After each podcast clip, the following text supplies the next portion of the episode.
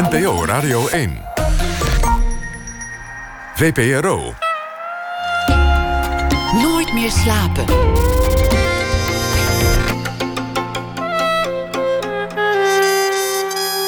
Met Pieter van der Wielen. Goedenacht en welkom bij Nooit meer slapen. Zometeen na half twee het vierde deel van de reeks Rewind over de Nederlandse dancewereld. De dag 22 oktober 2013. Het Nederlands bedrijf ID&T werd verkocht aan een Amerikaanse miljardair.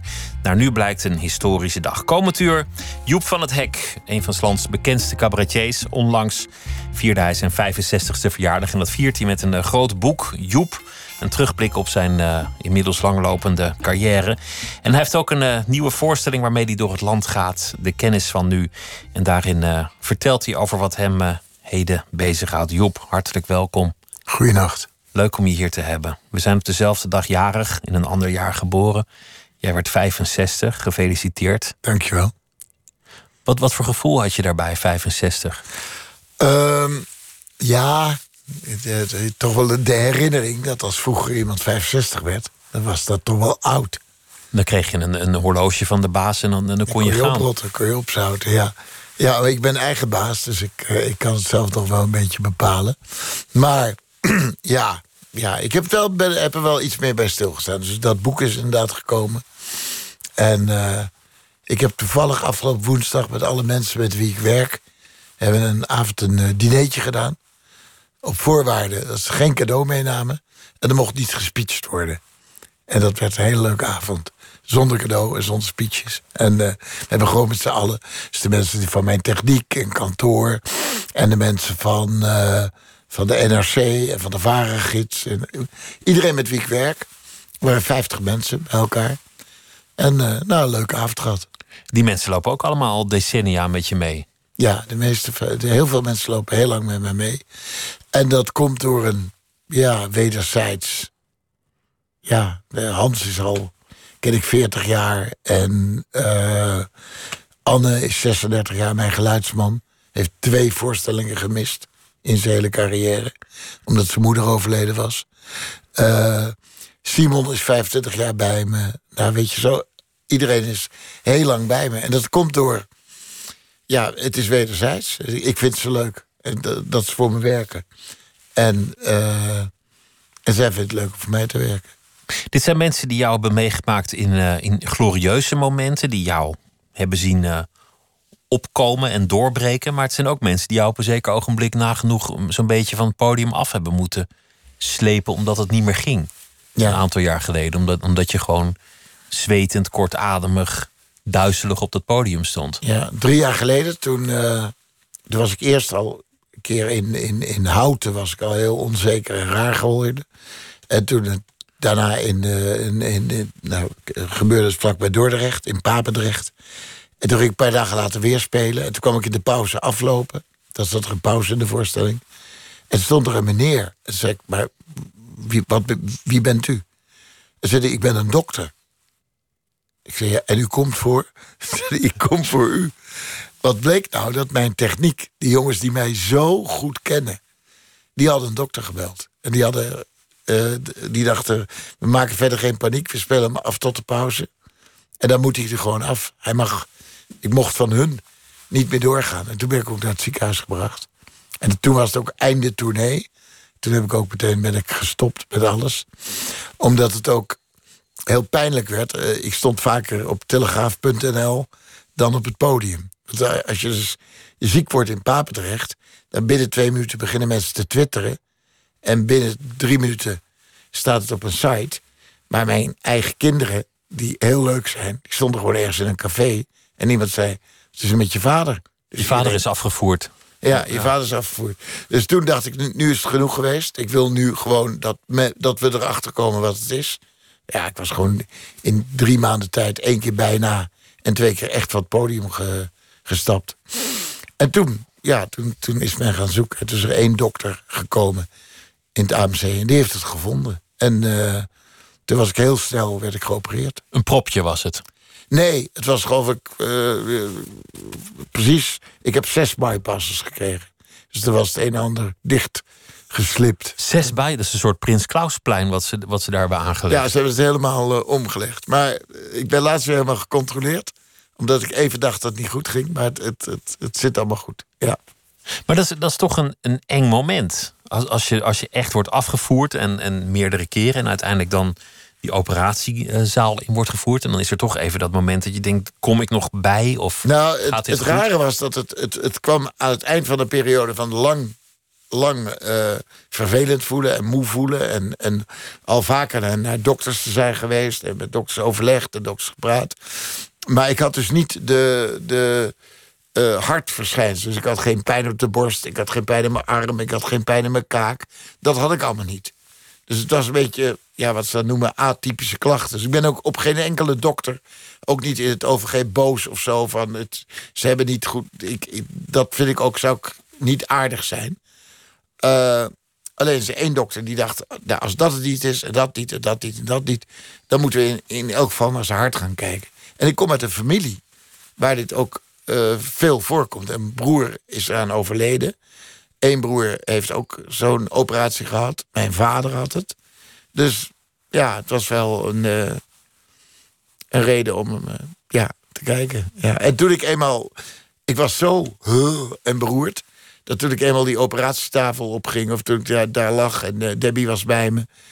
Het, het kon me allemaal niks verschelen. Ik dacht, als, ik, als dit maar... Als ze, me, als ze me hier maar van afhelpen. Dus... Uh, maar je, je, noemt je broer en je andere broer. De, de van het hekjes worden niet oud, is wel eens gezegd in, de, in jouw familie.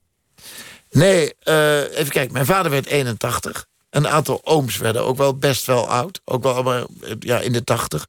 Maar mijn vader had op zijn vijftigste... had hij al uh, een flinke hartinfarct uh, te pakken. En op zijn 55ste was het echt kantje, kantje boord. Dus ik ben daar wel ook mee opgevoed. En je broer is heel jong overleden, heel plotseling. Ja, mijn broer is 63 overleden. Ja, maar ja, nee, geen kwaad woord over mijn broer, maar goed zijn best gedaan qua roken. En uh, ik heb hem nooit zonder een sigaret of een sigaar gezien.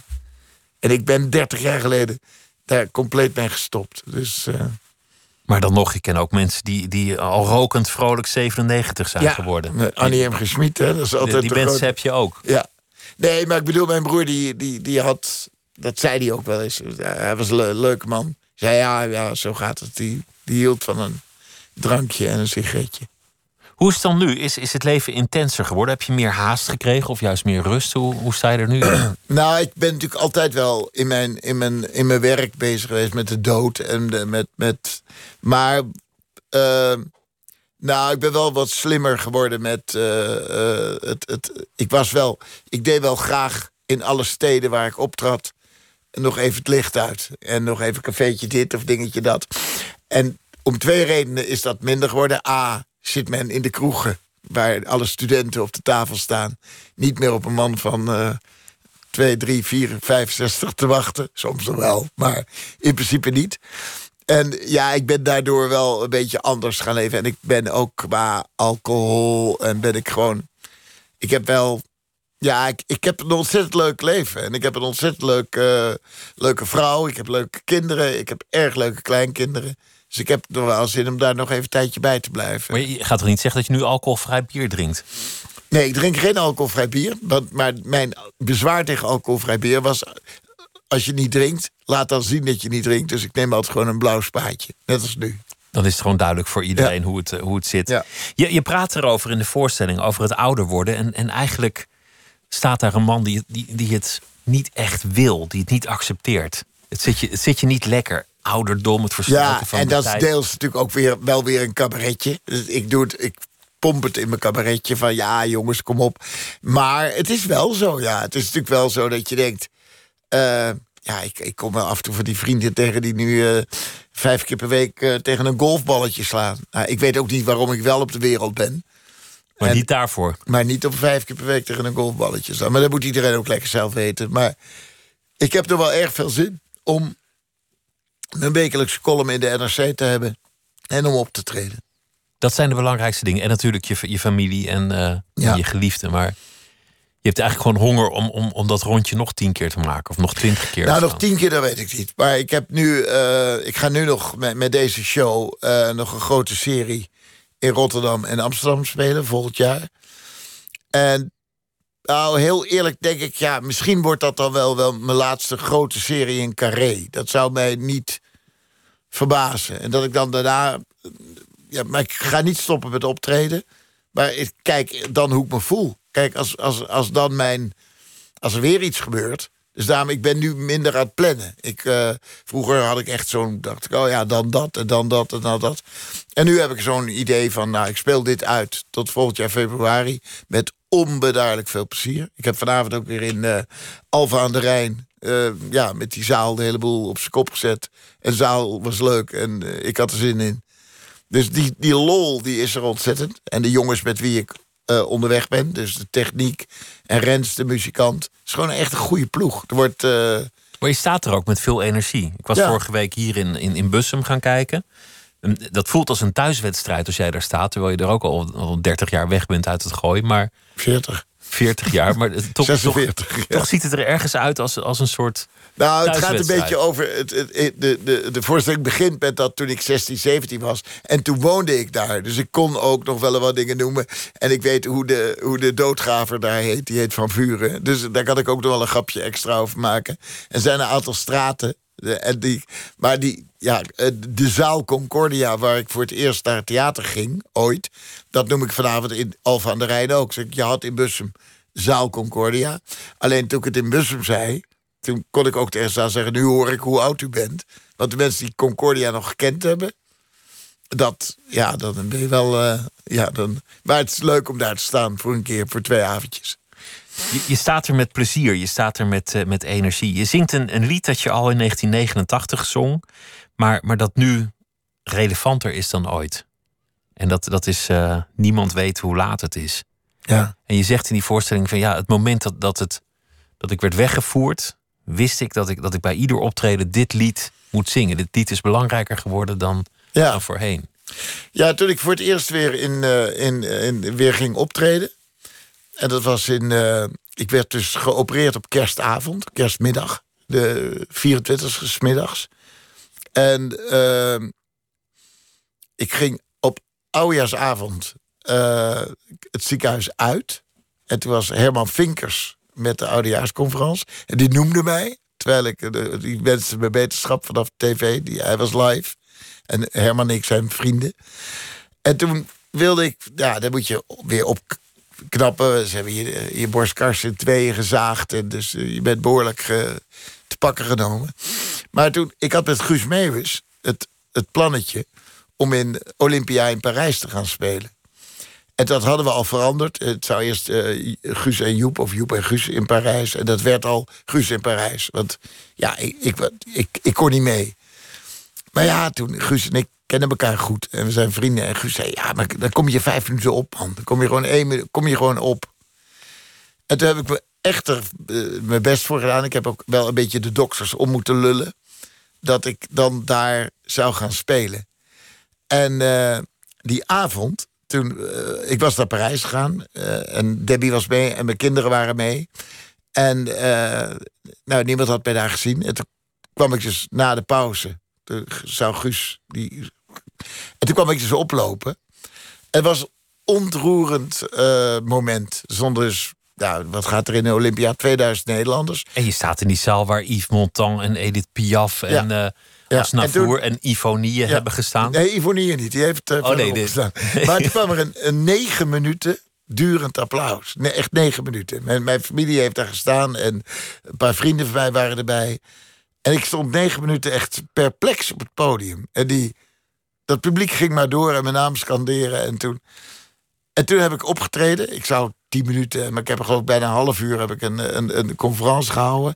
En toen zong ik Niemand weet hoe laat is. En dat werd overgenomen door de band van Guus. En Guus zong het ook. En toen stond ik daarna in dat hele kleine kleedkamertje. En als je later in de artiesten van kijkt welke foto's er hangen... in, in Soetermeer en in Al van der Rijn hangt Tineke Schouten... geen kwaad woord daarover. En uh, uh, weet ik veel. Maar daar hangt dus de Beatles, de Stones, Tina Turner... Uh, Leonard Cohen, Weet je, al die foto's, dus die spiegel waar je in kijkt in die kleedkamer, daar, ja, denk je, al die mensen hebben daar in gekeken. En toen keek ik, zat ik zo naar die spiegel naar mezelf te kijken. Ik was echt moe, ik was kapot. na dat optreden. En toen dacht ik, ja, ik ga nu eh, verder. Ik ga spelen. Ik moet zo snel mogelijk weer spelen. Want ik kan het. Het gaat weer lukken. En alleen waar ik ook speel, in welk theater, in welk land, ik zing na afloop dat nummer. En dat doe ik nu echt elke avond, ja. Laten we luisteren naar uh, dat lied. Niemand weet hoe laat het is. Want vannacht in mijn slaap word ik plots overvallen. Straks komt die auto en die rijdt me kapot. Wanneer zal de dood zijn fiets bij mij stallen? Wat zal mijn clue zijn? Hoe is mijn plot? Misschien zegt een dokter, meneer nog twee maanden. En word ik door een slepende ziekte gesloopt. Men zegt dat dat beter is voor nabestaanden. Maar twee maanden pijn is toch niet wat je hoopt. Deze dag is de eerste van de rest van mijn leven. Dat denken er velen bij een ontbijt. Terwijl ik altijd denk, ik heb nog maar even. Dit wordt de laatste van een prachtige tijd. Dus moeten we dansen en moeten we vrijen. Moeten we lachen en drinken vol vuur. Lief, hou me vast, want nu ben ik nog bij je. Tijd is toch geld, dus het leven is duur. En ik merk elke dag dat ik me vergis. En dat er dan nog een uur over is. Jij mag niet doodgaan en ik wil niet sterven. Laat staan onze liefste. Denk niet aan ons kind. Zijn dood zal ons leven voor altijd bederven. Terwijl hij misschien een hemel daar vindt. Niemand mag doodgaan, niemand verdwijnen.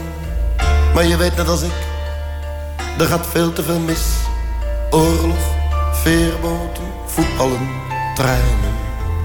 Niemand weet hoe laat het is. Is het vijf voor twaalf of net half zeven? Hoeveel uur heb ik nog? Of rest mij een kwartier? Hoe lang mag ik doorgaan? Doorgaan met leven. Ik heb echt geen idee, dus ik grijp het plezier. Moeten we dansen en moeten we vrijen. Moeten we lachen en drinken vol vuur. Lief, hou me vast, want nu ben ik nog bij je. Tijd is toch geld, dus het leven is duur. En ik merk elke dat ik me vergis en dat er dan nog een dag over is. Ik weet als ik later groot ben en ook bijna dood ben, dan is al die angst niet nodig geweest, maar altijd de bangst. Ja, al die angst maakte mijn leven tot een schitterend feest. Want we hebben gedanst en we hebben gevreden. We hebben gelachen en gespeeld met het vuur. God verbood wat we allemaal deden. Leef toch je leven als het allerlaatste uur.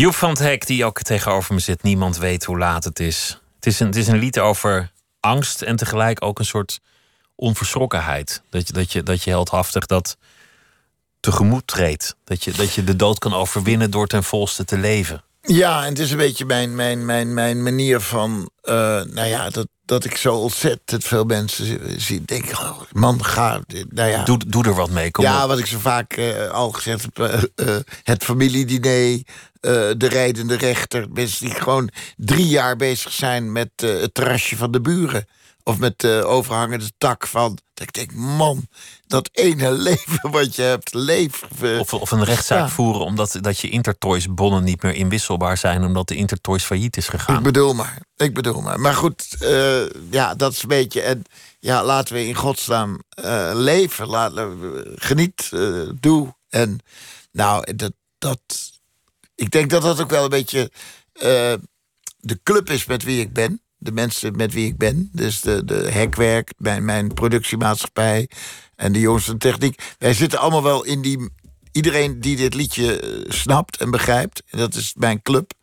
Dus we hebben ook eigenlijk nooit onderweg ook nooit gezeik. Of we hebben nooit getut over, over geld. Of over, we, we- we- het zijn onbeduidelijk leuke tournees die we leiden. En ja, ik heb ook met mijn, met mijn vrouw en zo altijd hele leuke vakanties. Hebben ook niet bla bla in grote hotels, maar gewoon lekker op reis. eh, goed eten, lachen, zitten, leuk strand. Weet ik, gewoon leuk, leuk leven. En dat is Het, een het beetje... licht houden. Niet, niet te zwaar maken en niet, Ja. niet te zuur maken. Nee, precies. En zei ik niet zo. Ja.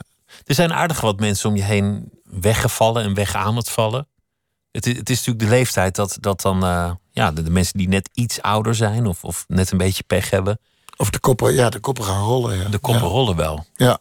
Jij zal ook inmiddels wel met, met, met enige regelmaat, vaker dan vroeger, aan een kist staan. Ja. Dat haal je ook aan in de voorstelling, dat je, dat je iets moet zeggen. Ja. Dat, dat, doe je dan ook, met- dat doe je dan ook met een zekere vrolijkheid. Ook dat maak je niet te zwaar, te verdrietig. Er moet ook aan zo'n kist gewoon Er moet gelachen gelachen. kunnen worden. Ja, nou ja, je kan er huilen.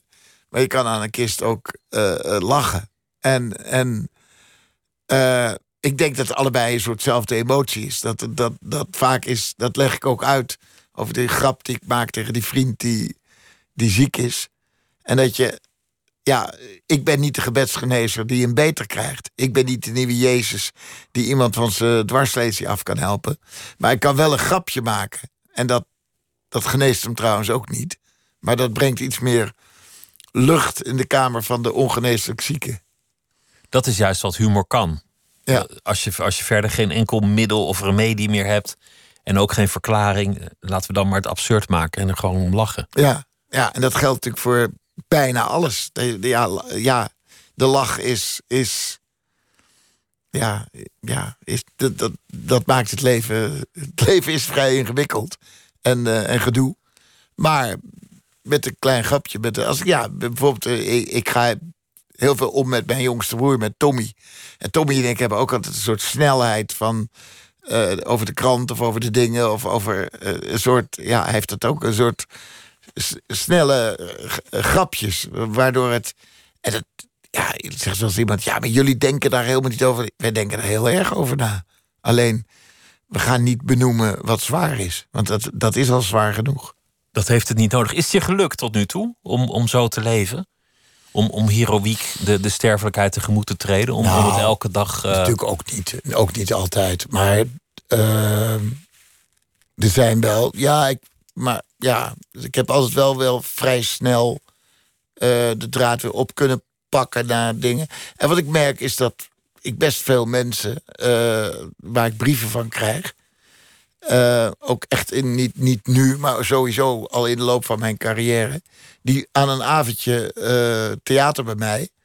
Eigenlijk ondanks dat ze in een hele verdrietige periode zitten, daar opeens heel vrolijk uitkomen. En dat ze vaak, ik zal niet zeggen, ik help ze over een bepaalde drempel, maar wel over een bepaald punt heen. Dan krijg ik zo'n briefje van, nou, dit, dit, dit, is in mijn leven gebeurd, het gaat allemaal niet goed, maar ik zat bij u, of bij jou, vroeger was het jou, nu is het u. En ja, wij- ja u heeft eigenlijk, terwijl- ja, terwijl wat ik doe is natuurlijk gewoon alleen maar, ook weer een soort ja, confetti strooien, cabaret maken, grapje Maar, maar maken. deze boodschap zit er, want dit liedje is uit 89, maar deze boodschap zit er al vanaf het prille begin in bij Ja. jou. En de actualiteit zit er nog steeds wel in, maar dat, die, die lijkt wat, wat minder. Iets voorbij de waan van de dag. Komt ook door zo'n tournee. Ik bedoel, als je nu een grapje maakt over een minister, dan is die tegen het eind van de tour al helemaal vergeten. Weet niemand Ja. wie die man nog was. Ja. Dus, dus dat is ingewikkelder geworden. Maar die, die relativering van kom op jongens, neem het niet zo zwaar. Je, je bent sterfelijk en de tijd is maar kort. Die, die had je 40 jaar geleden al. Ja, Toen zei je dat al. Toen, was, toen, Toen wist je het nog niet. Toen dacht ik er niet anders over. En ik denk er nu eh, ja, nu nog steeds zo over. Ja, sommige mensen hebben pech en die gaan opeens dood. Of die zijn opeens dood. En anderen worden, worden 3,94. En, maar... eh, ja, ja. Ik... Helemaal precies weet ik het ook niet. Maar het is bij mij een soort... Een besef dat er altijd al was. En, en ineens op, op latere leeftijd voel je het ook. Krijg je het ook echt dichtbij. Wordt, Ja, dat wordt het je ik. gepresenteerd. Ja, dat denk ik.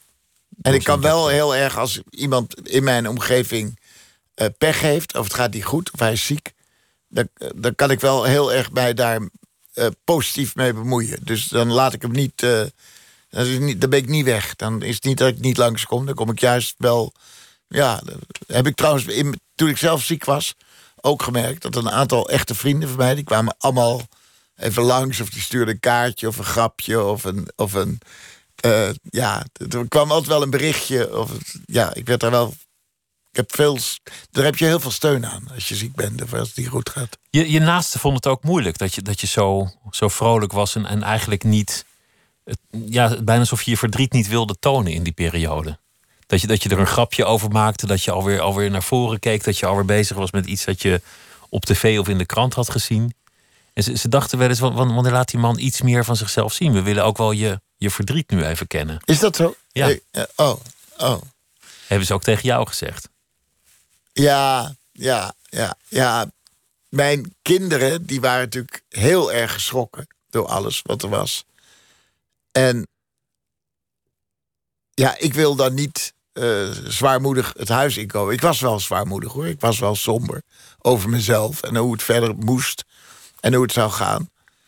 Maar ja, mijn reactie is dan om heel hard gaan. Om pret te maken. Ja, ja of die muziek hard aan te zetten, heel hard Brel te draaien of eh, Brahms of eh, ja, Bach.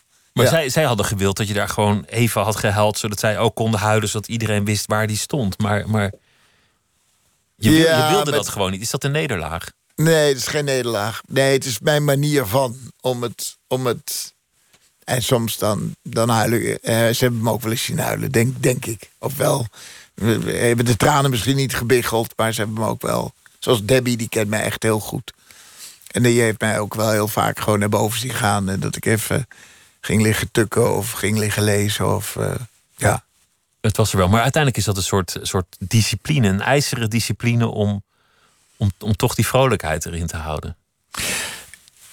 Ja, niet heel expres of niet heel bewust, maar mijn, eh, mijn gevoel zegt dan als ik nu zelf eh, instort of ermee stop, ja, dan ik, ik denk altijd: kom op, we gaan, we moeten verder, we moeten door. En komt ook wel een beetje uit mijn familie, uit mijn moeder en uit mijn, ja, mijn vader ook wel. We gaan, ja, we gaan wel door, ja. Flink zijn. Ja, flink zijn of ja. Zelfmedelijden is vaak ook een. eh, ja, dan schiet het niet op. Dan gaat de, dan gaat de auto remmen. Dan gaat, je kan beter even, even doorrijden.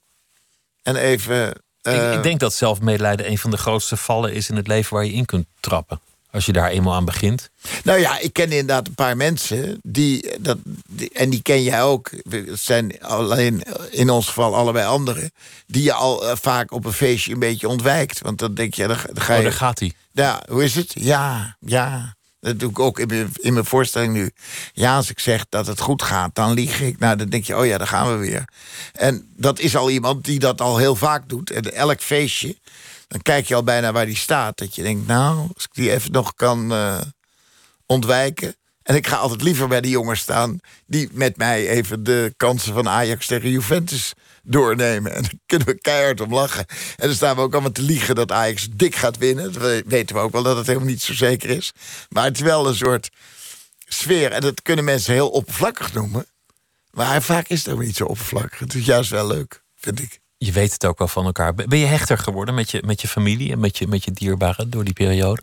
Dat denk ik wel, ja. Ja, maar wij zijn al een redelijk hechte familie.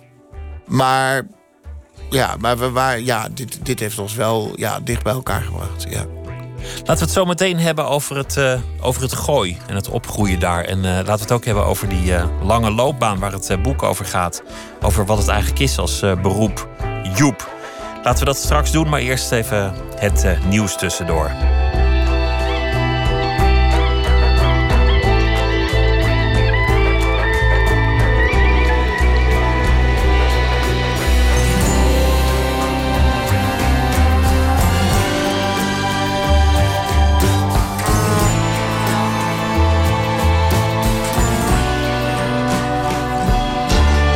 Radio 1, het nieuws van alle kanten.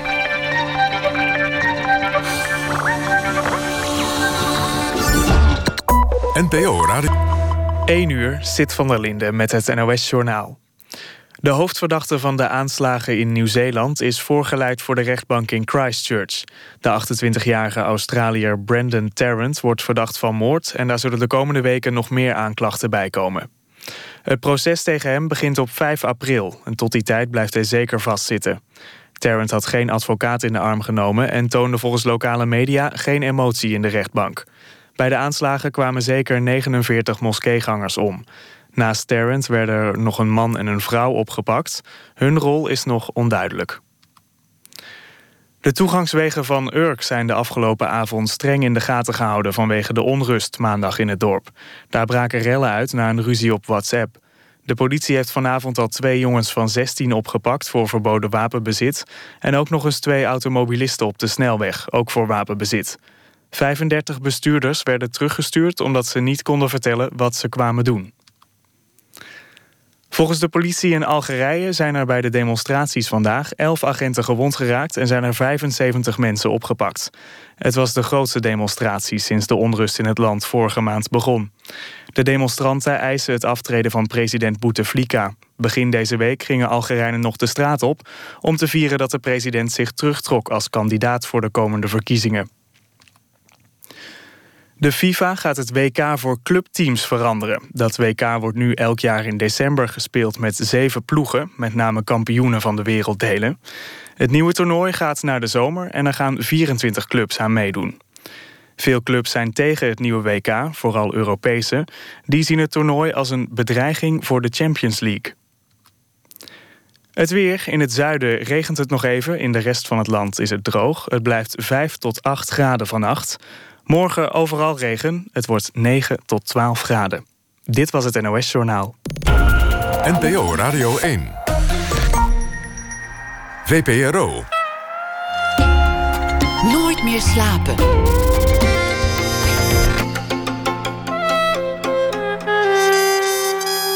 Met Pieter van der Wielen. U luistert naar Nooit meer slapen. In gesprek met Joep van het Hek. Onlangs 65 geworden en uh, momenteel bezig met een uh, tournee. Met de kennis van nu heet die voorstelling.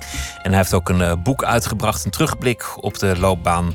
Die al sinds 1982 zo'n beetje bezig is. En dat boek heet Joep. We hadden het over, over, over ziekte, sterfelijkheid. Joep en als beroep. Joep als beroep, ja. Ja, dat is de titel. Ja. Dat vul je ook echt in als het ergens wordt gevraagd, hè? Een aanvraag voor een paspoort. Beroep. Ja, Joep. zoals in Franse hotels of zo. Er staat uh, wat je beroep is, dat ik altijd Joep. Ja, van andere dingen, of formulieren ook. Ja, ja. En Joep was, was oorspronkelijk, toen je, toen je gedoopt werd, uh, niet, niet echt je naam. Je hebt zo'n katholieke lange naam van vijf namen. Maar, maar aanvankelijk in je jeugd was het Joep J-O-E-P. Ja, en toen uh, hadden we de overbuurvrouw, Madelon. En die had uh, in Kralingen het popfestival gehad. En alle mensen die in Kralingen uh, daar werkten, of de mensen hielpen, die hadden een t-shirt aan, stond op We Help You. En ik had zo'n t-shirtje ooit, ik heb nooit iets op Kralingen gedaan, maar ik had dat t-shirtje gekregen. En toen leende zij een keer dat t-shirt, zij zag het t-shirtje, en toen kreeg ik het later terug. En dat was echt perfect, zonder dat je zag dat het gedaan was met een soort stift. Als de We Help Joep van gemaakt. En toen zag ik dat bordje. Joep. En toen dacht ik, oh, dat is eigenlijk wel, uh, dat is eigenlijk wel, wel geestig om het zo te schrijven. Dat is wel anders dan anders. En het toen, is een merknaam geworden, een, een begrip. Ja. Joep. Ja, en ik kreeg van een neef van mij een keer als grapje.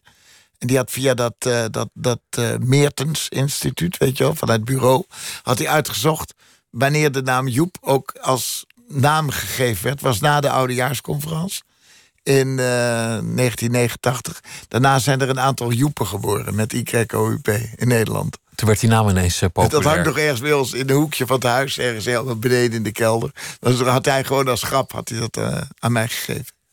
Je vertelde net al iets over opgroeien in, in het gooien en het soort familie dat je, dat je uitkomt. Maar de, kringen waarin jij opgroeide, daar, daarin zou je normaal gesproken dokter zijn geworden of, of advocaat of zoiets? Ja, nou bij ons, mijn vader was uh, Amsterdammer. Hij was geboren uh, op de Lauriegracht, altijd met zijn broers en zijn ouders. gewoond op het Singel, vlakbij het Spui. Zijn vader was kleermaker. En maar mijn vader heeft zijn HBSA gedaan, heeft daarna een economiestudie gedaan. En die is op, bij CRA gaan werken. En daar heeft hij het gewoon heel goed gedaan. In de, in de financiële wereld, het aandelen. En toen in 51 zijn mijn ouders naar Naarden verhuisd. Naar dat ja, mooie huis in Naarden. Daar ben ik geboren, in 54. En ja, mijn familie hockeyde wel. Maar mijn vader, we kwamen ook wel echt uit dat Amsterdamse... Uh, mijn vader was echt een self-made zakenman. Het was niet, het was geen, het waren, we waren geen oude kakkers of zo. Mijn vader had het echt, die kwam echt uit Amsterdam en was het, maar we woonden wel in zo'n buurt. Dus we waren wel allemaal lid van de hockeyclub. En, maar ik had het eigenlijk ook wel vrij snel gezien. Of ja, ik kan trouwens, ik ken heel veel van die mensen en ik, ik kan heel goed met ze opschieten hoor, met de meeste. En, en zeker naarmate ik ouder word. En ik ben bijvoorbeeld nog wel heel vaak op de hockeyclubs geweest... als ik met Tommy, mijn broertje, ging kijken. En bij het Nederlands elftal en op Kampong. Dat vond ik een leuke club. Daar ging ik altijd kijken. Maar ik ben zelf vrij snel, zo rond mijn 16e, 17e...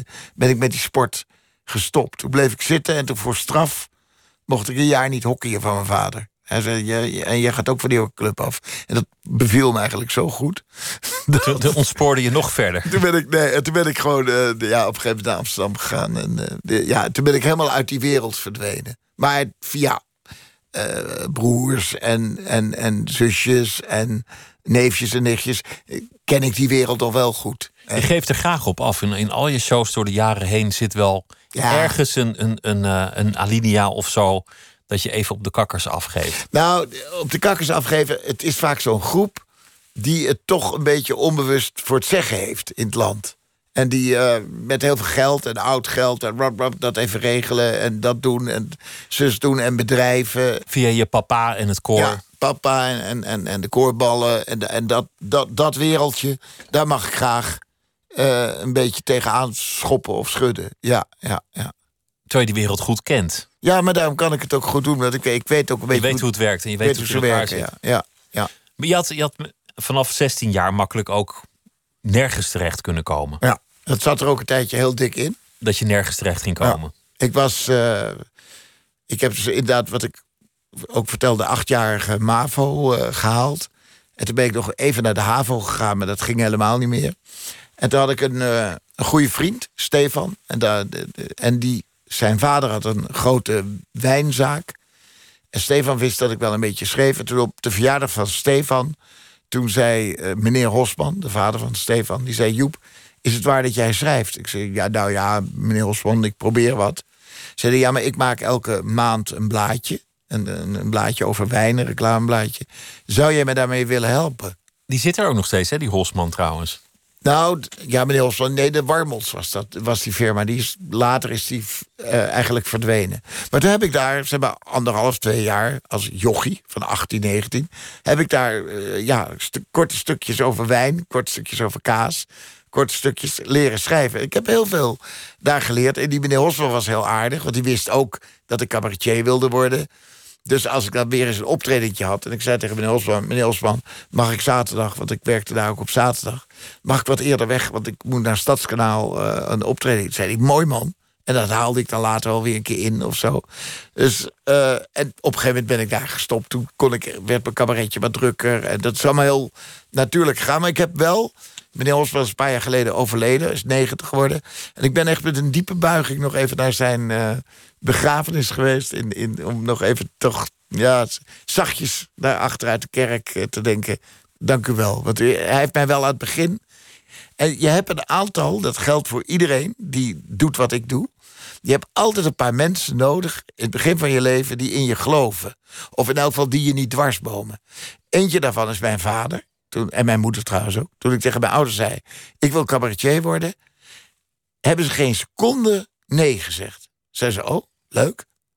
En dat kwam waarschijnlijk ook omdat ik de zevende van acht kinderen was. En ja, uh, ik zeg dat wel zo'n schap. Ja, de rest was al zo mislukt. Ze vonden alles wel goed. Maar de, ja, de anderen waren ook al moeizaam met scholen. Het, het is bij ons allemaal niet zo snel gegaan met alle kinderen. En, maar mijn vader, ja, hij vond het eigenlijk wel een leuke ding. Mijn vader was ook al wat ouder. Mijn ouders waren 43 toen ik geboren werd. Dus toen ik 17 was, was mijn vader 60. Moeder maar hij zei, zeg je in de show, hij zei nog iets. Als je maar zorgt... Dat je niet zo'n cabaretier wordt die iedereen wel leuk vindt. Je moet ook zorgen, en het zijn letterlijke tekst van hem...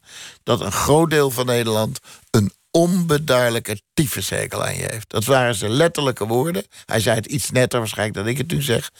Maar je moet ook zorgen dat je, je moet als cabaretier...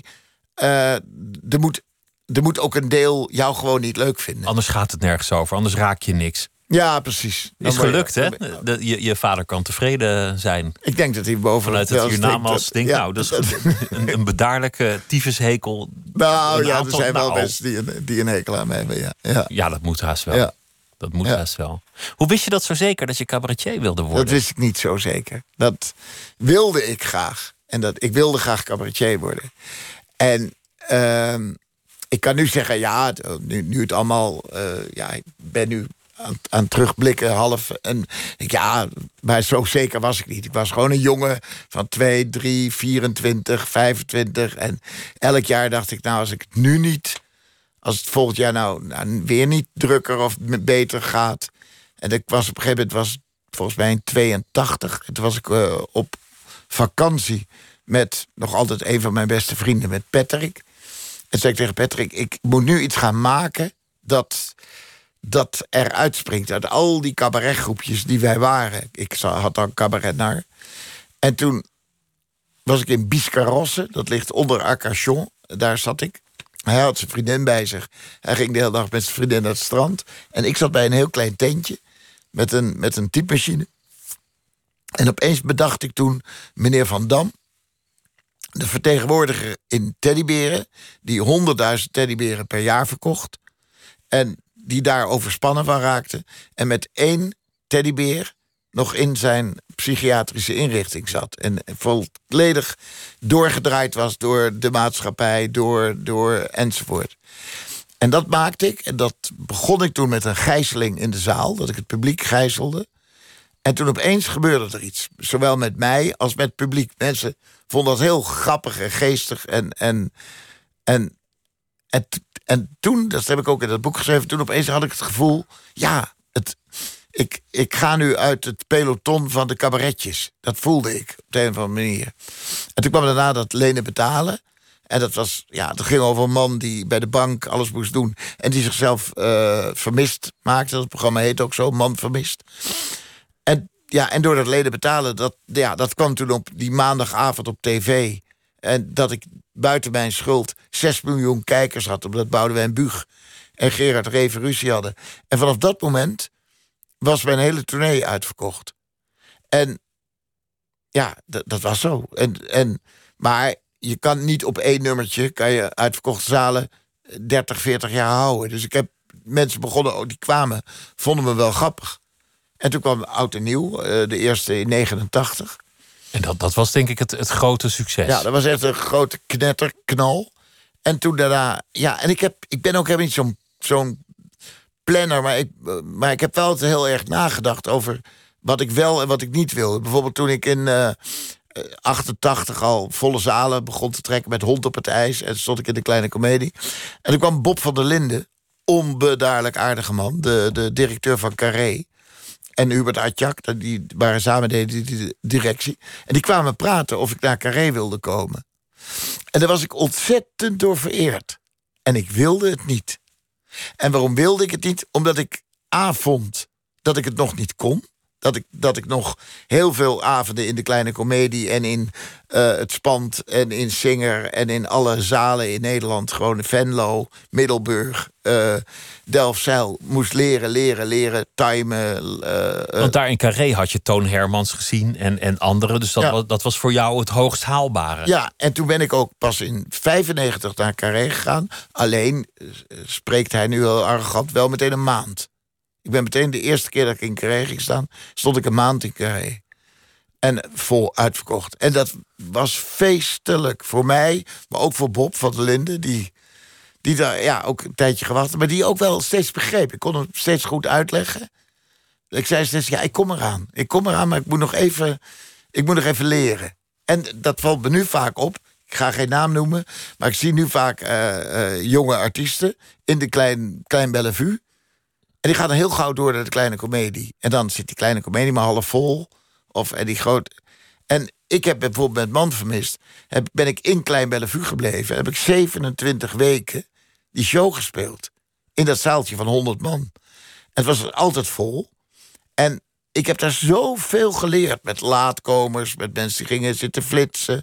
Met mensen die terugpraten. Met uh, mijn eigen nummers die nog niet goed waren. Met uh, schrappen. Altijd bij in, in dat kleine zaaltje. Gewoon meters maken. Meters maken. En, en Joop Koopman, uh, dat was toen mijn impresario. Ook hij is er niet meer. Die, die toch altijd weer na voorstellingen iets zei. Of iets, iets beetje poetsen, een beetje slijpen, een beetje. En ja, en daar heb ik. Uh... Nou, Jan-Jaap van der Wal heeft in dit programma gezegd dat hij heel snel in Carré stond en dat hij daar achteraf spijt van had, omdat hij dat te snel had gedaan en, en pas zich achteraf realiseerde dat hij een, een langere weg had moeten nemen. En het lijkt mij verschrikkelijk om ergens te staan waar je nog helemaal niet klaar voor bent. Ja, maar dat is nu ook. Ja, ik, ik ben niet erg van de masterclasses. Maar wel eens op een klein kunst of op de Koningstheateracademie in, in, in Den Bosch. Dan kom ik wel eens aan twee uurtjes kletsen met die leerlingen. Dan laat ik vooral hun kletsen. En dan geef ik een beetje antwoorden. Ik ben niet van uh, de wijsneus die uh, zo moet je doen. Maar dit zijn wel altijd een van mijn antwoorden. Van doe het uh, zijn twee dingen die ik al zeg. Doe, doe het rustig. En, en, en kijk en hou je, hou je doel, wat je wil. En de andere kant is. En concentreer je alleen op wat je op een podium of in, in mijn geval in de krant moet doen. En al het andere, besteed dat uit. Al, dus je hele organisatie, zoals ik nu. Ik ben vanavond hier. En ik, vanuit Alphen aan de Rijn. En ik heb verder niet. Ik, ik weet niks van de vrachtwagen. Ik weet niks van het geld. Ik weet niks van het. Uh, gewoon allemaal niet. Want het zijn allemaal mensen die dat heel goed voor me regelen. En dat denk ik dat dat een van de belangrijkste uh, punten in je artistieke carrière is. Dat je echt kan concentreren op wat doe je. Dat zei mijn vader ook. Waar ben je goed in? Zeg ik, ja, dat weet ik niet. Zei hij, nou, zal ik het zeggen? Je bent goed in het maken van grapjes. Maak grapjes. En besteed de rest uit. En, wat zei je nou net over, over Bug en, en Reven die ruzie hadden? Bug had, andere, andere kanaal. Bug had Reven geïnterviewd voor het Parool. Daarin had Reven een beetje nou, redelijk rechtse uitspraken gedaan. In Zuid-Frankrijk is ze. Uh, later zei hij, dat heb ik allemaal niet zo gezegd. Toen zei Bug, dat heb je wel zo gezegd. Ik heb het trouwens op tape. En toen had je de Alles is Anders show met Aad van de Heuvel. En toen, op de, het was echt zo'n rel. Wat, wat wel vaker in Nederland is, opeens zo'n rel. Eh, de mensen en alle kolonisten... Opwinding en iedereen wil er iets over zeggen. En toen had uh, de Alles is Anders show... had toen... Uh, ja, die, die had toen Reven en Bug, die zouden samen komen. En die avond... En ik was toevallig gevraagd... was een van mijn eerste uh, optredentjes... of ik een nummer wilde doen, of ik een liedje wilde zingen in dat programma... En toen dacht ik, nou, heel lang overlegd. Ik, doe dat lenen, lenen, betalen, betalen. En dat deed ik. En normaal had het programma, zeg maar, ja, toen hadden we sowieso nog maar twee netten. En toen dat, ja, normaal had het programma, zeg maar, 2 miljoen kijkers. En die avond, door die ruzie en die rel. Het was maandagavond, alle theaters waren verder dicht zat er 6 miljoen mensen naar dat te kijken. En ik kwam toen met het lenen, betalen, lenen, lenen, betalen, betalen. En iedereen zag het en dat was, eh, was jouw moment van... Dat was elk geval bij het theaterpubliek. Was dat een soort doorbraak. En ja, en daar was ik ook weer helemaal verbaasd over. Dat het toen opeens... Opeens was binnen... Ik geloof de volgende ochtend om 12 uur waren alle schouwburgen uitverkocht. Terwijl ik daarvoor... Ja, ik ging naar Arnhem en er zat er 300 man in die zaal van 800. En ik ging naar Delfzijl en zaten er 120 in een zaal van 500, weet je wel? Dus ik was wel een beetje al aan het doorbreken. Maar, en toen opeens was, boem, alles uitverkocht. En, en ja, dat was... Dat, was... Dat, dat soort relletjes heb je nog steeds, elke dag. Wel meer dan ooit. Dan is iedereen boos op dit en, en boos over dat. En verontwaardiging over dit. En een week later ben je eigenlijk alweer vergeten waar dat ook alweer over ging. Er was iets. Wat, wat was het ook alweer? Ja. Het, het gaat tegenwoordig ook vaak over dingen die je wel en niet mag zeggen. Dat was vroeger ook wel, maar het is nu meer geworden. En een aantal keer recent trof het jou. Dan had je het woord pisnicht gebruikt in een column. Ja. En je had, je had, je had nog iets. En, en, en er waren een aantal keren. En dat vond ik wel interessant. Dat was misschien ook een aspect van ouder worden. Dat de tijdgeest verandert. Dat wat je vroeger gewoon zei, dat dat ineens niet meer kan. Ja, maar ik weet dus ook niet of het niet kan. Ik denk ook, eh, ik, volgens mij moet ik het ook gewoon blijven zeggen. Je En- zegt het ook gewoon. ja, ik zeg het show. ook gewoon. En dan denk ik, ja, kom eens op, jongens. Eh, op een gegeven moment was er zo'n moment dat. eh, eh, hoe heet hij? Ronaldo, die had een of andere dame, daar had hij seks mee gehad in een hotelkamer. Babadam, nou, zoiets. En ja, dat was natuurlijk een soort me-too en dat mag allemaal niet en dat deugt allemaal niet. Maar dan schrijf ik, en dan zeg ik het nog een keer bij, ik schrijf een column. Ik schrijf niet een essay, ik schrijf een column. En in die column schrijf ik als grapje... ja, maar natuurlijk, eh, Ronaldo wil scoren. Dat had die dame wel kunnen weten. Als grapje. Maar als je dat serieus gaat lezen... dat Joep van het Hek, de seksist, staat achter Ronaldo... ja, dan, dan, dan moet ik of stoppen met mijn column... en dat doe ik trouwens niet... maar ik ga ook niet veranderen. Als mensen het niet als column lezen... maar er wordt, er, wordt nu... alles wordt heel zwaar gelezen, zwaar... eh, daar heb ik niet alleen last van, daar hebben veel meer mensen last van. En ja, wie nu er heel goed uitspringt, daar, daar moet ik weer om lachen, is de luizenmoeder. Want die maken het ook belachelijk op hun manier. En dat slaat dan weer aan. Dat staat er weer aan. En krijgt er eigenlijk ook wel weer lof voor. Hoewel er ook daar een aantal mensen eh, verontwaardigd waren. Ja. Maar, maar in de regel wordt dat, wordt dat heel goed eh, beschreven. Ja, maar goed, ik denk dat die of die, dat trend, die trend ook wel weer gaat veranderen. En ik zou het wel leuk vinden bij bepaalde recensenten... dat ze wel weer iemand aannemen die naar een cabaretvoorstelling gaat. Althans, die weet dat hij bij een cabaretvoorstelling zit. Want mijn publiek, dat bij een cabaretvoorstelling zit... die weten heel goed dat ze bij een cabaretvoorstelling zitten. Die moeten heel erg om mij lachen, omdat ik cabaret maak. Maar er zijn nu een paar eh, ja, recensies die ik heb gelezen. Dat mensen die mij dus daar al mijn woorden bloed serieus gaan nemen. En ik mis ook de tijdgeest. En ik, ik vind het ook allemaal goed. Ik vind het allemaal best. Als zolang... het, kan je, het kan je niet zoveel schelen, merk nee, ik. nee, nee, nee, geen seconde zelfs. Nee. Maar er veranderen dingen, want, want ehm, Paul de Leeuw die was verontwaardigd. Terwijl hij in het begin van zijn loopbaan juist doorbrak met een vrij grove humor. Maar die zei, ja, de tijden zijn veranderen, veranderd. Een, een, woord als neger, dat, dat gebruik je gewoon niet meer. Dat, dat is nu kwetsend. En daar, daar is natuurlijk eigenlijk ook wel wat voor te zeggen. Dat je bepaalde woorden gewoon, nou ja, in de band doet, wil ik niet zeggen, maar Ja. vermijdt. Omdat ze, omdat ze, Ja, maar er zijn ook wel woorden die een beetje veranderen... of dingen die een beetje veranderen. Of, maar desalniettemin, volgens mij is het juist...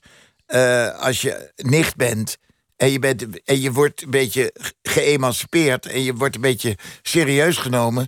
dan komen er grappen over je. Er komen over mij ook grappen. En als ik serieus ben, of op mezelf serieus neem... dan kan ik tegen een grapje.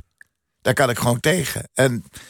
eh, ja, ja, maar als mensen er niet tegen kunnen of mij daarop gaan aanvallen, ook best. Alleen mijn publiek, het Joep van Hek publiek, die snappen wat ik aan het doen ben. En daar speel ik voor. Ik speel niet voor recensenten of voor. eh, Scherpslijpers of, of nou ja, ook. moet iedereen zelf weten. Nou, Het, het is wel tuttig geworden. Ik weet niet of ik zelf een woord als pisnicht zou gebruiken. Pisnicht. nee, maar dat, daarom doe ik het voor je. dat doe jij het voor me. Het is, het is toch alsof je, alsof je een groep eh, aanduidt. Ja, maar dat is niet zo. Dat, het, het is gewoon. Het, het, het, het, het woord kwam door, en dat bleek later ook anders te zitten. Dat die Jelle Brand Korstius, die had gezegd: eh, Ik ben eh, gedrogeerd. En ik ben. Later bleek dat verhaal toch echt wel anders te zitten. En, dus, maar ik had geschreven: nou ja, er komt er een van de pisnicht die drogeert hem. Tenminste, volgens hem. En dan is het afgelopen. Maar ja, zo. Ja, het is gewoon een, een woord. Het is niet meer dan een woord. Je hebt dat gezegd, ik, ik hengel in mijn hart en wat ik aantref, dat wordt mijn column. Ja, ja. Ja, of gewoon iets eh, wat gewoon passeert. Eh, morgen gaat de column over iets wat mij afgelopen week overkwam. Eh, ik heb een paar stoeltjes in de arena, al vanaf de oprichting van de arena.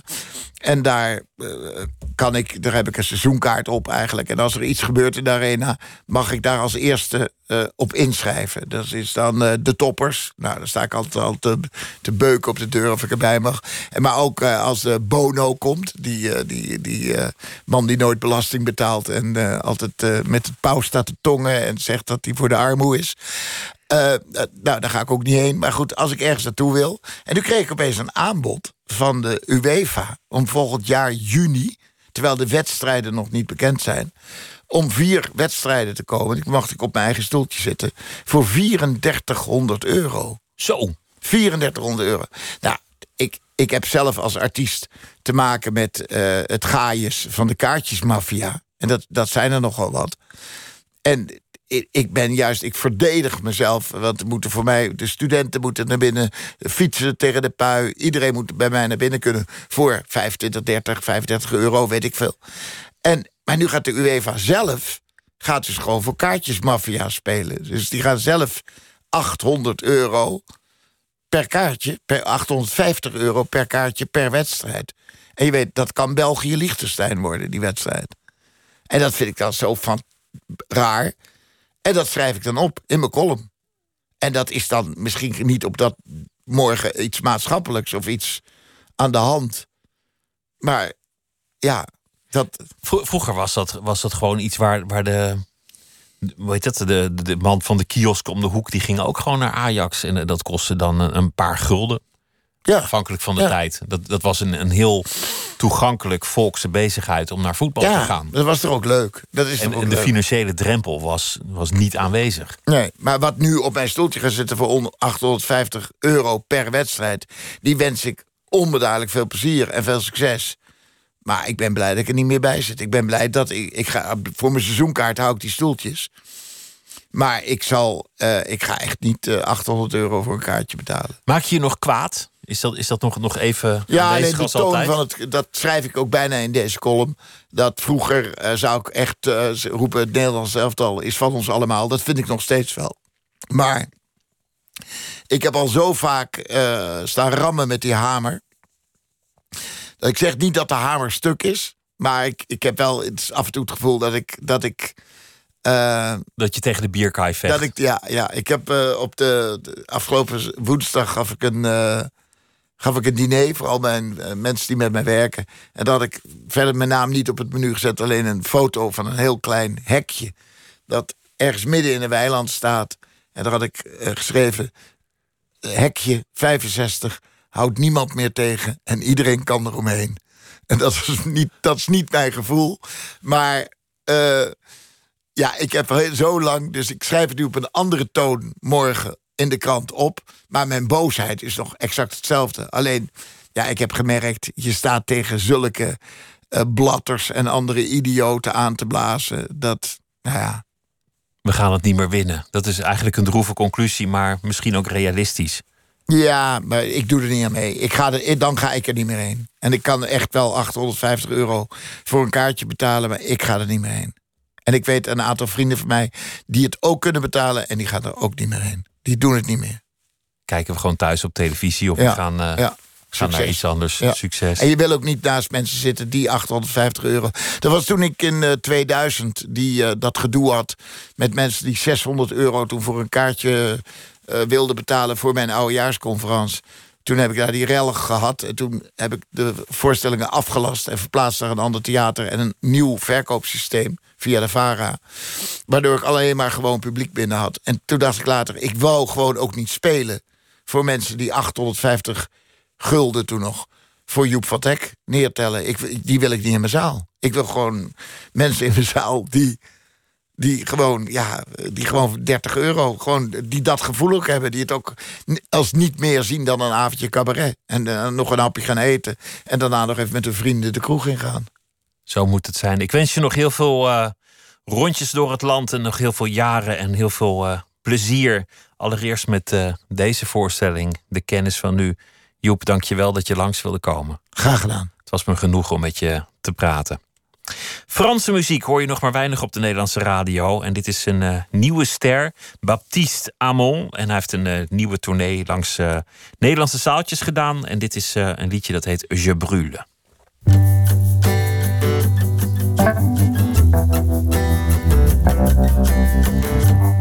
Cette maison,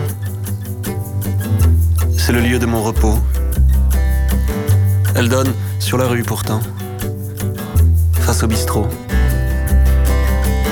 Un peu plus loin, la pharmacie, le groupe scolaire du village et tous ces gens qui passent. Ils n'ont pas vraiment d'âge.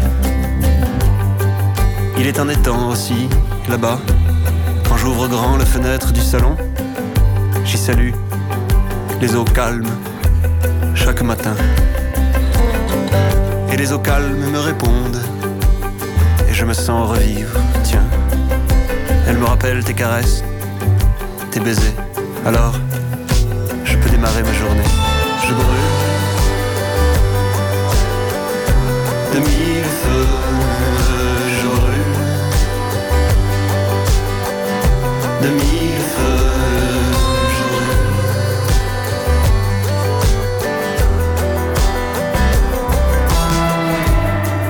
Une maison de pierre blanche, d'où l'on observe les souvenirs de l'enfance et de la grande adolescence. Je n'avais pas conscience des détours qu'il faudrait prendre, et peu importe. Tout au bout, je savais. Le plaisir, les voyages, un baiser. Alors, je peux démarrer ma journée.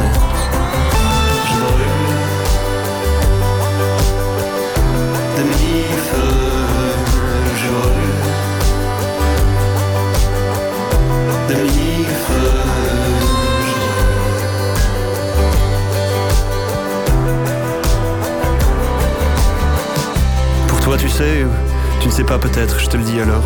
Pour toi, souvent, je suis comme dans un grand brasier. À la simple évocation de ton nom, de tes yeux, je brûle. Je brûle peut-être que je suis amoureux, amoureux. Je ne sais pas, je ne sais plus. De toute façon, je ne te le dirai pas pour ne pas t'effrayer, pour ne pas m'effrayer aussi. Mais je brûle.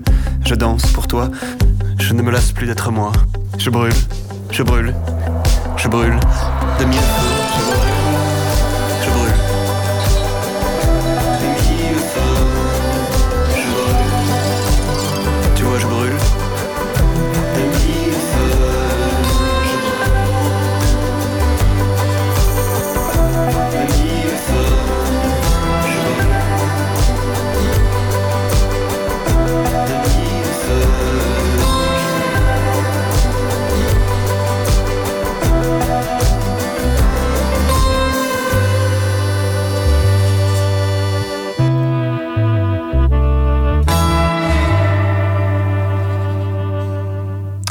Baptiste W. Amon met Je brûle. Nooit meer slapen. De podcast Rewind. We gaan terug naar de dag 21 maart 2013. Het was de dag dat het grote Nederlandse dancebedrijf ID&T werd verkocht aan een miljardair, Robert Sillerman en zijn bedrijf. Die kocht het ene dancebedrijf na het ander, want hij rook geld. Het leek een cruciale stap om dit Nederlandse bedrijf internationaal de wereld in te helpen. Of was het toch gewoon een megalomane waaghals? Ik loop op de man, na- eh, man af, ik steek mijn hand uit. En hij pakt me gewoon volle bak bij mijn zak. En knijpt echt hard in mijn ballen. Toen zei de vrouw, nee, niet gewoon. We hebben gewoon hier, het is gewoon wat hij koopt. We hebben gewoon 25 jaar. Het is gewoon het beste bedrijf. eh, Gewoon 100 vragen. ja, fascinerende tijd. Ja, hoe vaak maak je zoiets mee? Niet vaak. Sensation, Thunderdome, Mysteryland. Als iets in Nederland groot is en met dance te maken heeft... kun je er donder op zeggen dat feestorganisator ID&T erachter zit. De vriendengroep rond Duncan Stutterheim dacht meteen al in hallen in plaats van clubs. Het is dan ook niet gek dat dit bedrijf op de radar kwam van een monster-investeerder... die een wereldwijd dance-netwerk wilde opbouwen. Het is 22 oktober 2013.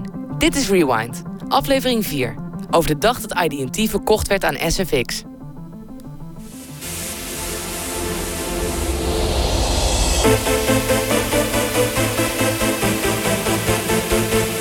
Nou, we zijn begonnen natuurlijk gewoon met, met, met, met mijn broer en met Erik en met, met een paar jongens gewoon. Hè. En, ehm, ja, klein feestje. En het eerste feest was gewoon een gelukstreffer, de Final Exam. En ehm, de bedoeling was 5000 man, maar er kwamen er 13.000. En daarmee was het toen het grootste feest van Nederland. Dus dat, ja, in één keer waren we 20 jaar het grootste feest van Nederland georganiseerd. We hebben ooit de eerste Thunderdome, maar heel kleinschalig hoor. Maar, maar in Europa was Thunderdome groot. Duitsland, Frankrijk, België. Die cd's gingen echt wel naar 20 landen. Maar toen ging de hardcore naar beneden. daarmee ook onze internationale ambities. Dus konden we ons kantoor weer sluiten in Duitsland. Uh, toen hebben we Inner City even geprobeerd. Dat hebben we ook in België, Duitsland gedaan. Ook in België geprobeerd. Er zat wel altijd bij IDT iets van... Uh, en bij ons, we willen, we willen meer of die wereld in. En toen kwam Sensation. En toen zeiden we, nou wacht er is een moment nu links met Sensation. Laten we rechts gaan stoppen met alle onzin. En, en dat lukte. En dat ging toen van België naar Duitsland. Polen, dat was heel raar, maar dat, dat voelde wel heel exotisch. En toen kregen we ineens een gesprek met Samsung. En toen we, kregen we ineens een tour van 18 landen. Ja, toen was het wel echt internationaal.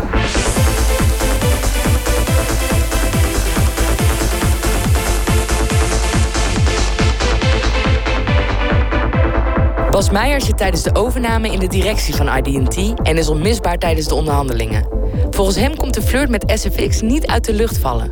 ID&T loopt na jaren groeien tegen zijn eigen grens aan. Uiteindelijk wilden we met Sensation graag naar, naar Amerika.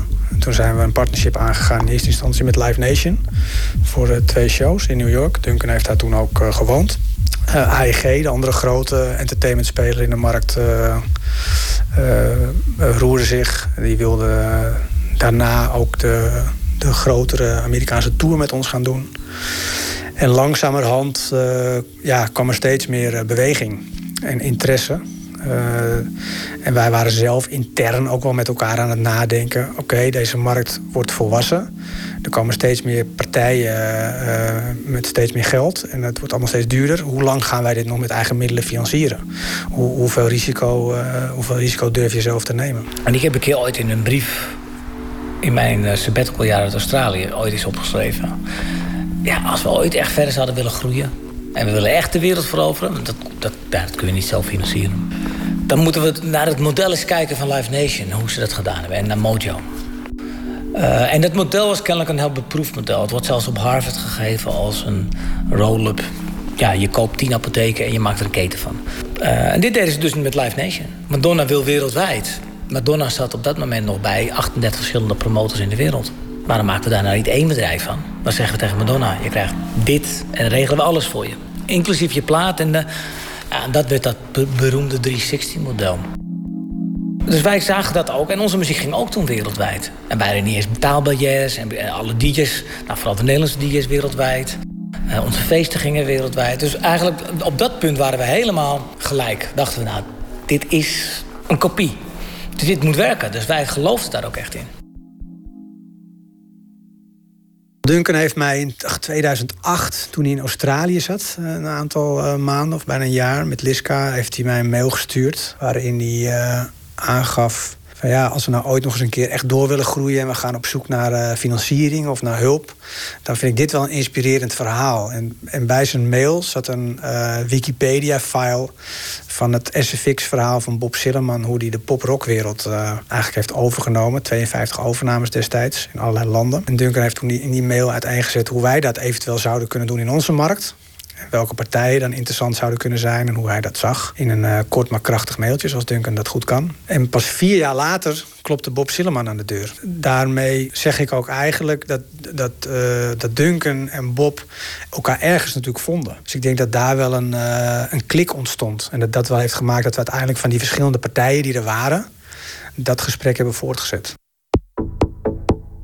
Bob Sillerman, dat is de figuur waar het om draait. Een vleesgeworden icoon in de entertainmentindustrie. Een man met een reputatie. Dat merkt ook Wouter Tavecchio van Q-Dance, een van de partners van ID&T. Nou, Duncan kwam in contact met die mensen, die wonen in New York. En uh, die was in contact gekomen met een man die het idee had... om de internationale dance scene op te rollen. Nou, dat klinkt al heel wat. Dan word je dus opgerold. En dan ben je onderdeel van een oprol uh, strategie. Nou, dat, dat, stond mij natuurlijk alleen het idee al, dacht ik van hoezo? Niemand rolt ons op, wij rollen op. En uh, ik weet nog dat Duncan terugkwam met het bericht. Uh, ja, we kunnen 40 miljoen krijgen. En, met een heel vet idee van een man die, die wilde de hele industrie oprollen. En Duncan had zelf ook al dat idee wel eens een keertje gehad. En ja, ik dacht, no fucking way dat wij naar de Amerikaanse beurs gaan, maar no fucking way. In Amerika is het gewoon heel normaal dat er, dat er uh, kapitaal gevonden wordt. Zo, of nou, je investeert... Nou, een paar mensen uh, hebben geluk gehad in Uber hebben geïnvesteerd. Of in Het maakt niet uit. Of in WeTransfer. Of nu in, in Amerika is die cultuur heel normaal. Dat je investeert in, in een bedrijf en dan gaat het groeien. En dan investeer je meer. En dit was ook typisch zo'n bedrijf. En meneer Schilleman had dat idee. En dat had hij al eerder gedaan met Live Nation en met Mojo. Het is een hele intelligente man. Heel snel. Op een wat ander uh, niveau denkend dan de meeste mensen. En niet zozeer uh, hoger of lager, maar alsof hij soms in een soort andere frequentie zit. Hij heeft bewezen, en met name natuurlijk vroeger bij de roll-up van de hele pop-rock-wereld, wat nu dan Live Nation is geworden, dat hij een enorme voelspriet heeft voor grotere bewegingen in, in, in, in entertainment. Silliman neemt zelf contact op met ID&T. Met aan zijn zijde Shelly Finkel. Een oude boxpromotor die op een bepaald moment de manager was van onder andere Mike Tyson. Kortom, iemand die zich niet zomaar van tafel laat vegen. Die woonde ook in Upper East. Die we woonden in, in, alle drie woonden wij in Upper East. Hoe, hoe, gek is dat? Hoe toevallig, weet je wel. Ik woonde kennelijk drie blokken verder dan Silliman. En Shelly, woonde weer een paar... Ze kon nog een loopafstand naar elkaar toe. Wij hadden ons bedrijf laten waarderen. Nou, daar kwam een waardering uit uh, van rond de 30, 35 miljoen. Dat vonden wij echt te weinig. Nou, we waren een beetje teleurgesteld. Nou, het rapport, nee, we moesten toch wel iets overhandigen op een gegeven moment. En hij had een afspraak met mij gemaakt, uh, nou, vlak bij mijn huis dus. En ik had een afspraak gemaakt met die man die uh, de rapport had gemaakt.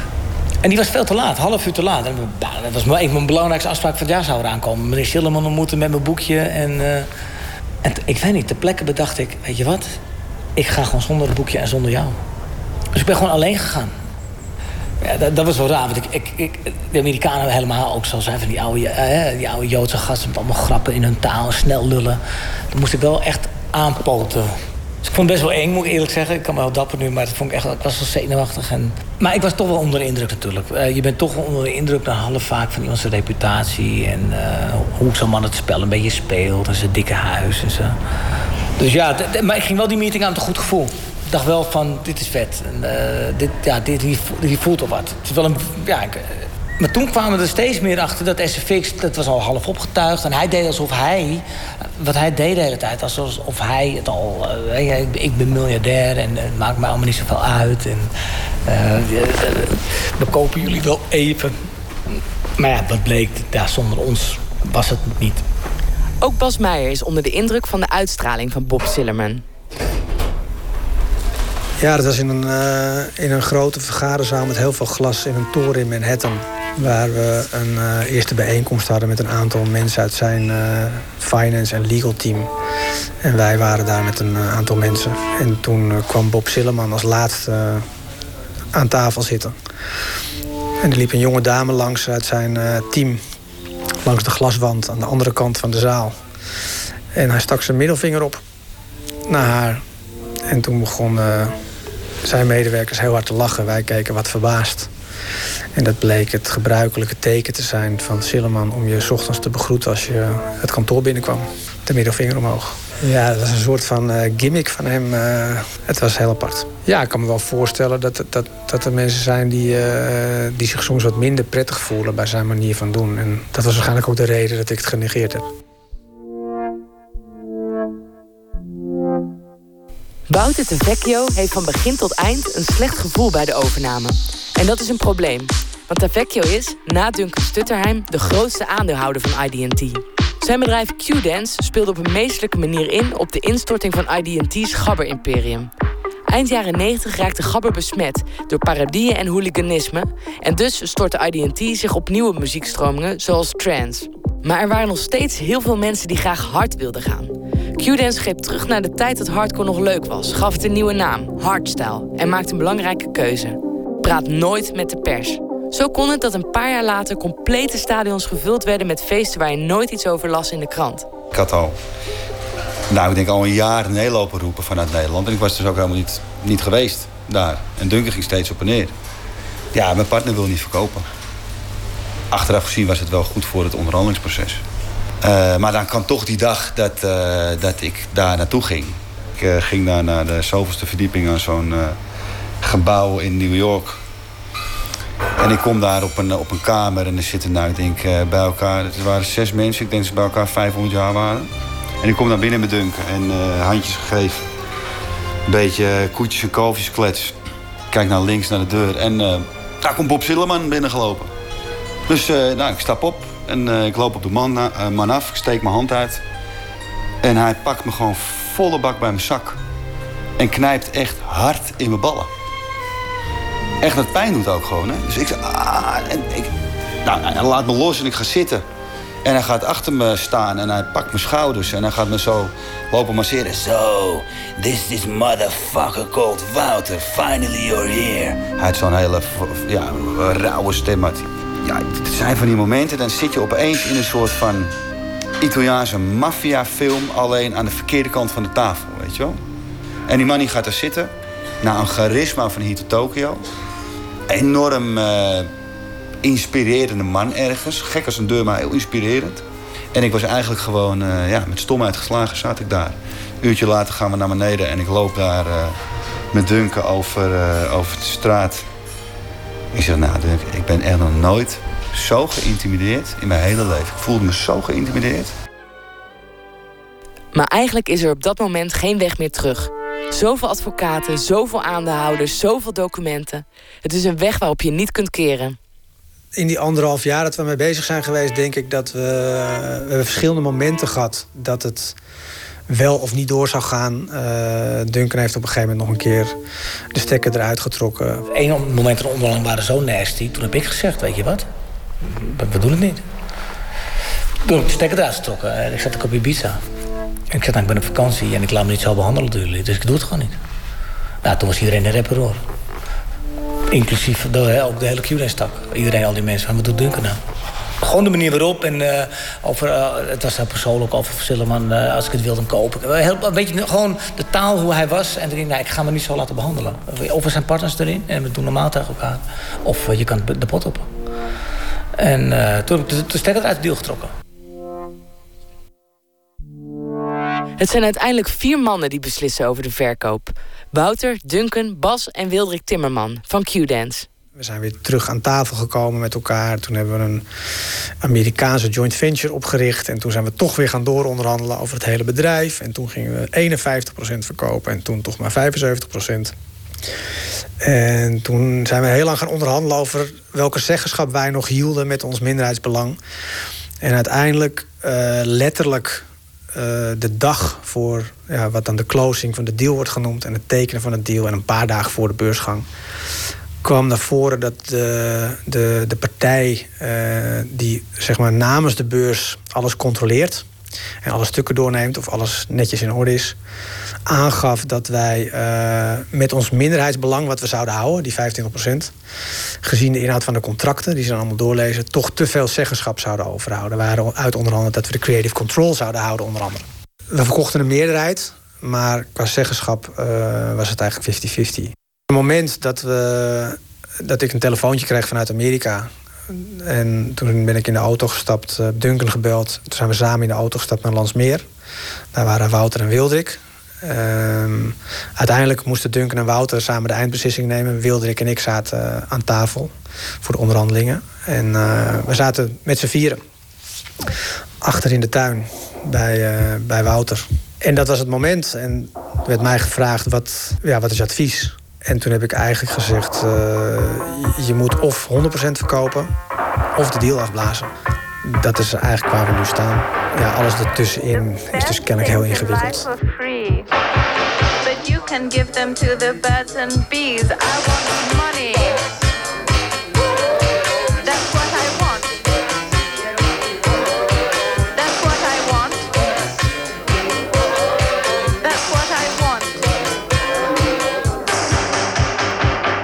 De grote vraag is: hoeveel geld moet er op tafel komen? Ik wilde 70, 75 zeggen. Ik vond echt veel geld, weet je wel. Ik vond op 75 al hartstikke veel. En toen zei mijn vrouw, nee, niet gewoon. We hebben gewoon hier, het is gewoon wat hij koopt. We hebben gewoon 25 jaar. Het is gewoon het beste bedrijf. Uh, gewoon 100 vragen. Ja, dat heb ik gewoon gedaan. Ik zei, nou ja, we denken echt richting 100. Oh, oké, okay, zei Shelly.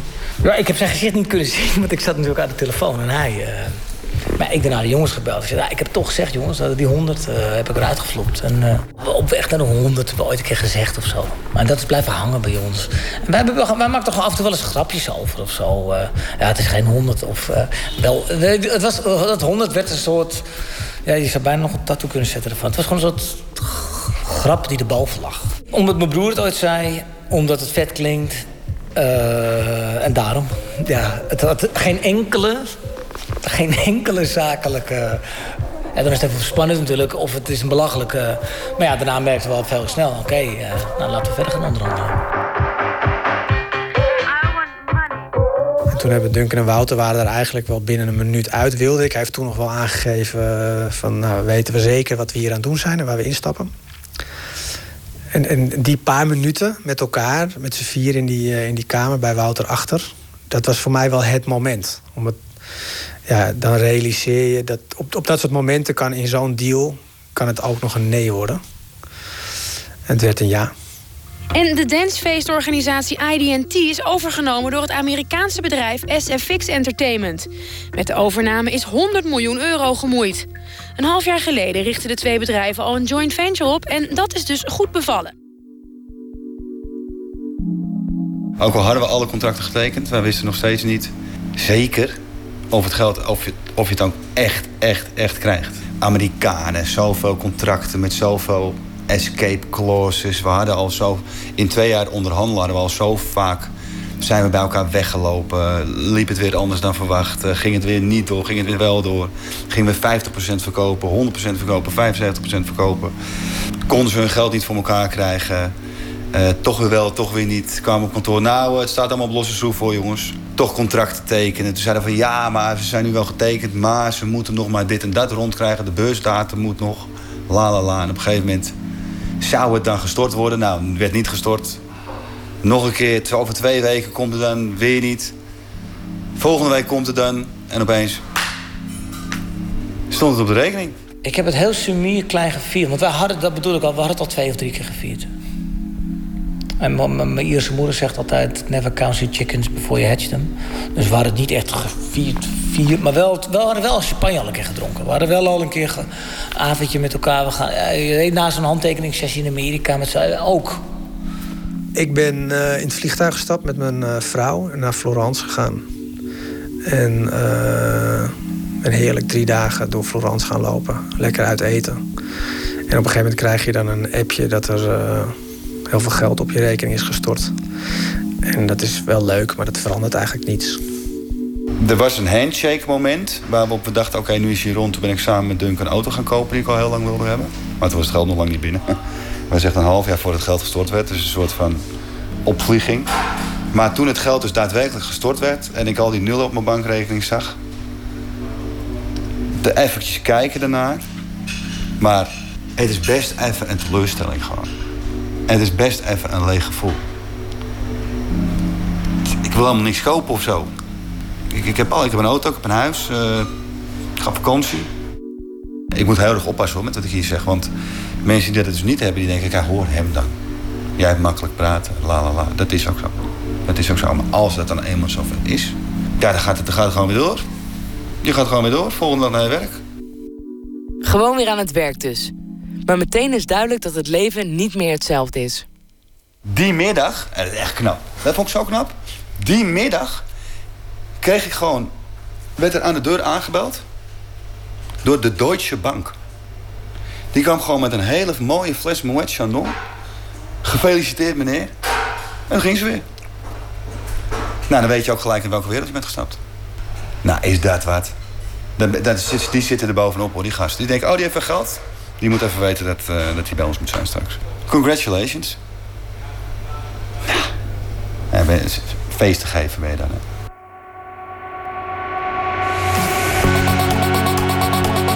Voor ons was dat hele IDM een groot moment wel. Het, het, het was niet meer helemaal onze muziek.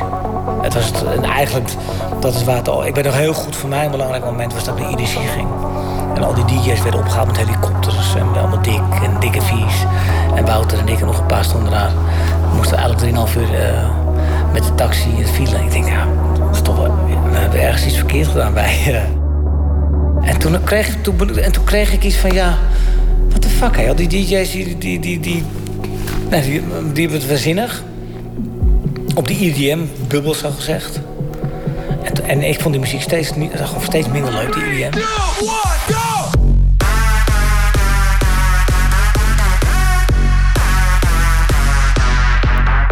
Eigenlijk niet leuk meer. Dacht ik, het is mooi geweest of zo. Voor Wouter is het een breuk in zijn leven. Voor Duncan meer een afsluiting van een periode. De verkoop is uiteindelijk een stap richting de uitgang. Want hoewel Duncan Stutterheim in eerste instantie een belangrijke functie binnen SFX krijgt, besluit hij na anderhalf jaar al te vertrekken. In maart hadden we die Miami Conference. Nou, dat voelde ook iedereen aan dat het niet zo goed ging. En dat was veel spanning. Lange dagen. En toen kreeg ik ineens werd ik wakker s ochtends met een uh, half gevlamd gezicht. En uh, ik, ik zo. ik zei, wat is dit nou weer? Ik naar de dokter. Nou, bleek, bleek de ziekte van Bel te zijn. Dus een virus. Op zich is het een normale ziekte. Maar iemand op kantoor bij ons heeft het gehad. Dus je kan erop blijven schade. Uh, die jongen heeft er wel iets last van. Stress is de voornaamste factor. En uh, ja, ik had gewoon heel veel stress.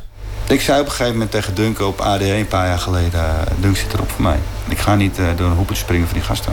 Dit, dit is niet waar, waar, ik voor gekozen heb. Ik wil het niet. En uh, ik geloof een week later stuurde hij een mail door het bedrijf. Ik moest stoppen mee. Hij was voor. Hij is vijf jaar ouder dan ik. En er zit gewoon een houdbaarheidsdatum op. Op feestgevers zijn. Ik wil met Spa Blauw langs de kant staan... en zijn Duncan aan, en ik allebei gaan helpen. Duncan gaat. Wouter neemt de verantwoordelijkheid om ID&T te blijven leiden. Drie kwart jaar na het vertrek van Duncan, begin 2016, vraagt SFX in Amerika faillissement aan. 300 miljoen in schulden verdwijnt daarmee en SFX komt in handen van de bank. Alle grote evenementen van ID&T en Q-Dance blijven daarbij overeind. In 2017 koopt Wouter 15% van zijn aandelen terug, plus een levenslange royalty-afdracht. Op dat moment was het ook wel een soort jongensboek. Wat we, daar hebben we het ook lang over gehad. Ik heb het veel met Bas over gehad ook. Het jongen, mijn vader heeft ook wel eens mooi gezegd van ja, succes. Als, soms als je het op die manier afrondt, dat neemt ook niemand meer van je af. Romantiek was gewoon voorbij. Gewoon. Niks. We gaan of we willen of we proberen. Gewoon nee. Plannen, budgetteren, organiseren. De romantiek was er gewoon uit. Dit verhaal neemt gewoon nooit iemand meer van ons af. Gewoon nooit, niemand. We hebben gewoon geflikt en we hebben er een dikke strik omheen gedaan met twee mooie boeken, twee mooie historieën. We, hebben gewoon, we zijn gewoon de grondleggers van deze industrie geweest. En uh, ja, met een paar vrienden. Met een, daarna wel met een groep erbij. En dat, dat, dat voelt wel soms wel magisch of zo nog steeds. Je luisterde naar de vierde aflevering van Rewind. De podcastserie over cruciale momenten in de Nederlandse dancegeschiedenis. Rewind is een samenwerking tussen 3 voor 12 en Nooit meer slapen. Het wordt gemaakt door Adse de Vrieze, Ralf Hermer Huiskamp en Tom Hofland. Voice-over, Anne Moraal. De volgende en helaas voorlopig laatste aflevering van Rewind... gaat over een dag die 36 uur duurde. De dag dat de Amsterdamse club Trouw sloot.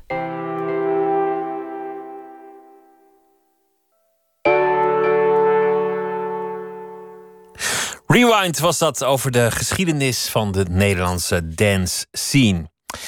Maandag dan zit in uh, Nooit meer slapen Lisbeth Staats op deze stoel. En zij gaat in gesprek met uh, actrice en regisseur Lineke Rijksman. Bekend van onder meer De Mug met de Gouden Tand. En uh, voorstellingen als Kunsthart, De Vrooitjes, Verlichting Light. En ook films als Lucia de B en Alle Tijd. En nu reist ze langs de theaters met De Dikke Muis en Sjors. Samen met Adelheid Rozen, Titus Muiselaar en George Groot. En dat gaat over de staat van de liefde. Dat allemaal maandag. En Stine Jensen die komt ook langs in de rubriek De Favorieten. En laat horen wat haar invloeden en bepalende fragmenten zijn. Dat zal ze dat doen tegenover uh, Lisbeth Staats. Zometeen op NPO Radio 1 kunt u luisteren naar uh, De Nachtzuster. Heel veel plezier daarbij. Ik wens u nog een hele goede nacht en een vrolijk weekeinde. En graag weer tot maandag.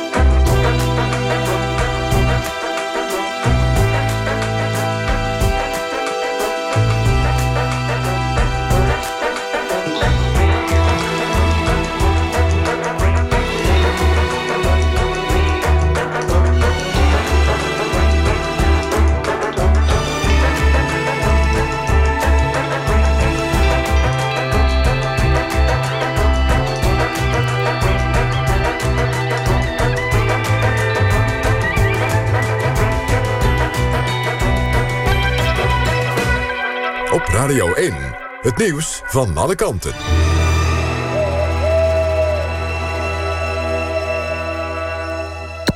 NPO Radio 1.